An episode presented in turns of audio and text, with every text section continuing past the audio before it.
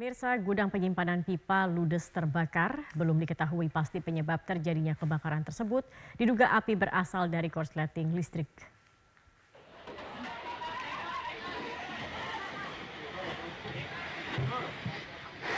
Kobaran api terus membakar gudang penyimpanan pipa untuk proyek di Jalan Karet Sawah Setiabudi, Jakarta Selatan.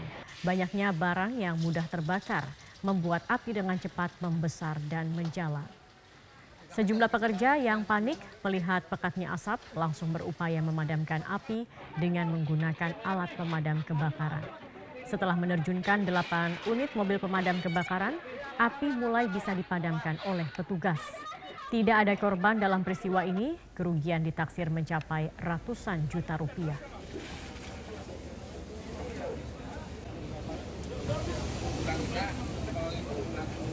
Yang ada di dalam itu adalah pipa-pipa, uh, pralon, PVC, dan ada sedikit uh, thinner dan juga lem. Ya, untuk informasi yang masuk ke damkar itu adalah di pukul 13.37 dan unit damkar pertama kali tiba di eh, lokasi itu pukul 13.41 menit. Pusat Pelaporan dan Analisis Transaksi Keuangan atau PPATK melaporkan 12 temuan terkait TPPO ke Bares Krim Polri. Salah satu temuan terjadi di Sumatera Utara dengan nilai transaksi puluhan triliun rupiah. Hal ini disampaikan Kepala PPATK Ivan Yustiavandana dalam sambutannya pada acara Green Financial Crime Fair.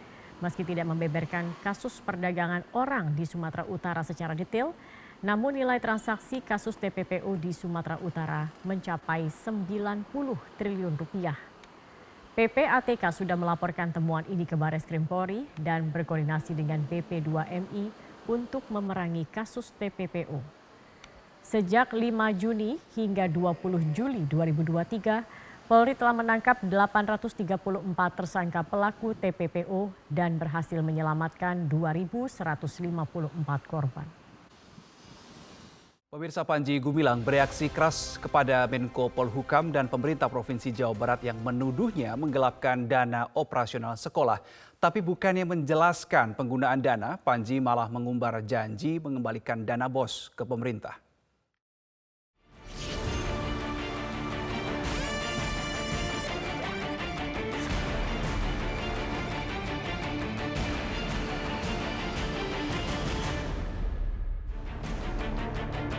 Siswa-siswa di Al Zaitun mendapat bantuan operasional sekolah yang dikucurkan pemerintah.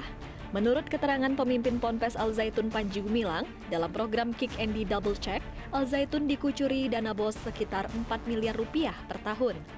Bantuan itu disebar untuk tingkat PAUD, MA, MTS, dan MA sesuai proporsi yang sudah diatur pemerintah. Tapi menurut Menko Polhukam Mahfud MD, dana operasional siswa itu diduga digelapkan Panji Gumilang dan keluarganya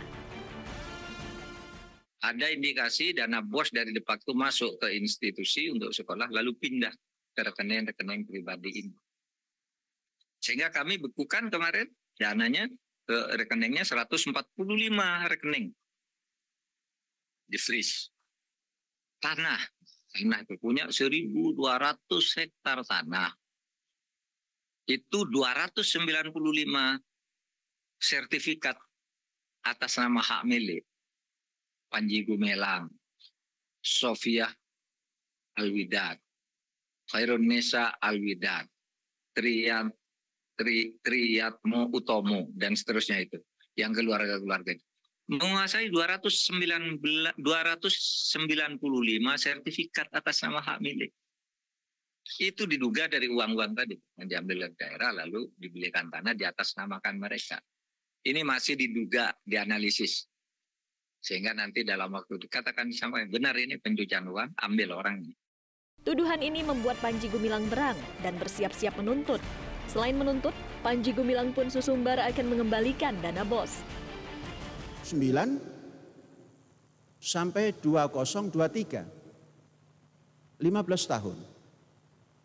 Jumlah yang terkumpul dari BOS semuanya dari 2009 sampai 2023 adalah 55 miliar.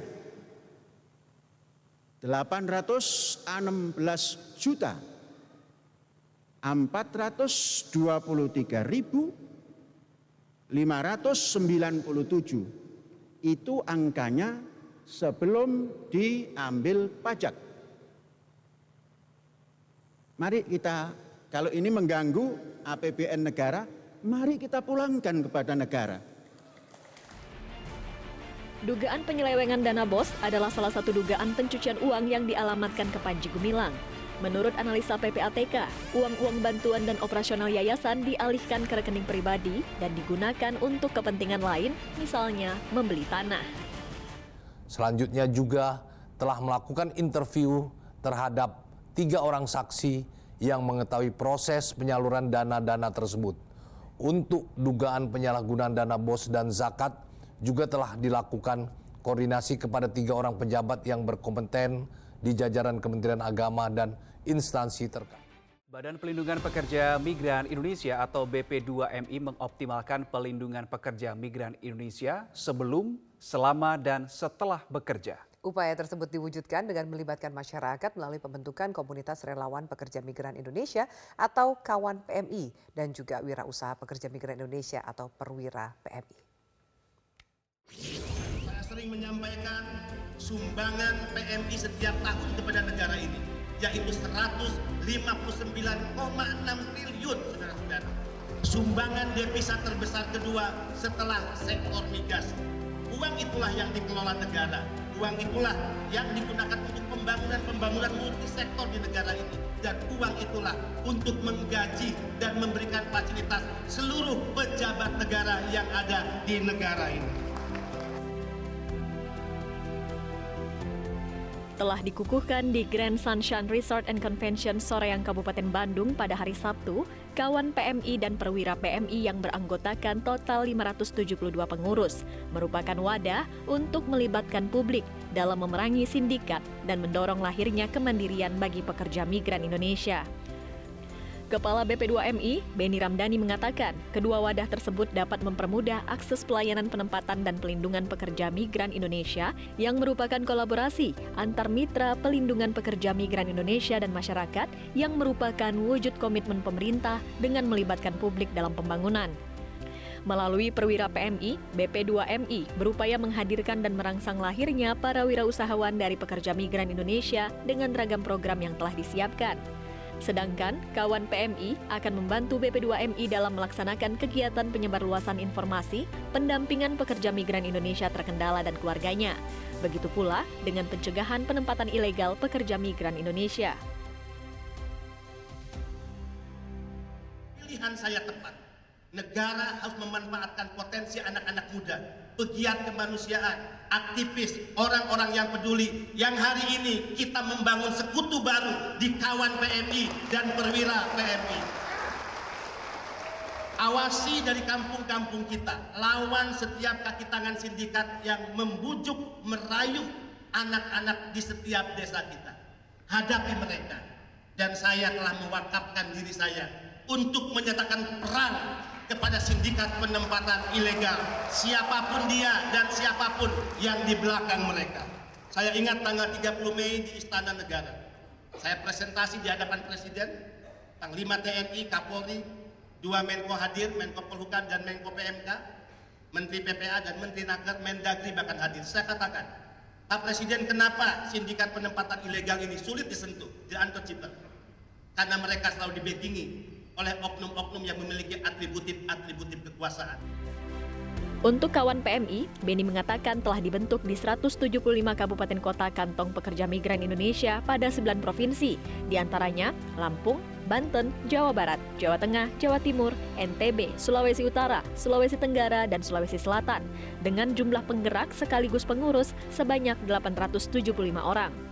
Sementara itu, untuk meningkatkan kesejahteraan ekonomi bagi pekerja migran Indonesia dan keluarganya, BP2MI telah membentuk perwira PMI di 23 provinsi kantong pekerja migran Indonesia dengan melibatkan tokoh masyarakat, tokoh agama, tokoh pemuda, dan tokoh adat. Mudah-mudahan kita yang hadir dikukuhkan dan dilantik akan menjadi perpanjangan tangan negara. Gunakan hati nurani kita, karena itu modal kita untuk melakukan tugas-tugas suci, tugas mulia kemanusiaan. Kalau tadi saya berterima kasih untuk satu hal bangsa ini kepada Pak Erik atas sukses PSSI, saya, BP2MI Pusat dan Daerah, seluruh pekerja migran Indonesia berterima kasih. Yang kedua, atas seluruh bantuan dan support penuh BUMN untuk program-program Badan Perlindungan Pekerja Migran Indonesia. Terima kasih Bapak Erick Thohir, terima kasih seluruh jajaran. Di tempat yang sama, Menteri Badan Usaha Milik Negara BUMN, Erick Thohir, saat menyampaikan sambutan mengucapkan selamat pada para pengurus kawan PMI dan perwira PMI yang baru saja dilantik. Erick berharap mereka dapat mengemban amanah, bekerja untuk PMI, maupun demi kemandirian ekonomi pekerja migran Indonesia bersama keluarganya. Menteri Erick juga menyambut baik kehadiran kawan PMI dan perwira PMI yang menurutnya akan membantu pemerintah dalam kerja-kerja yang sinergis. Erick mengatakan dirinya bersama Kepala BP2MI memiliki dua kesamaan sebagai pejabat publik yang konsisten bekerja untuk masyarakat.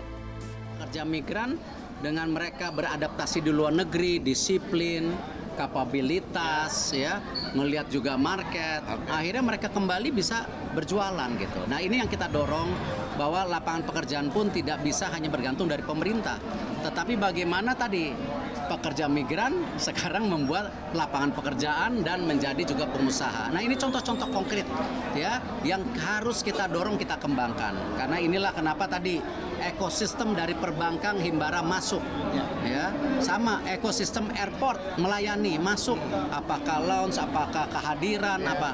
Nah pelan-pelan satu database ini kita harus jadikan satu. Supaya apa? Supaya apa? Mengurangi tekanan pekerja yang kirim ilegal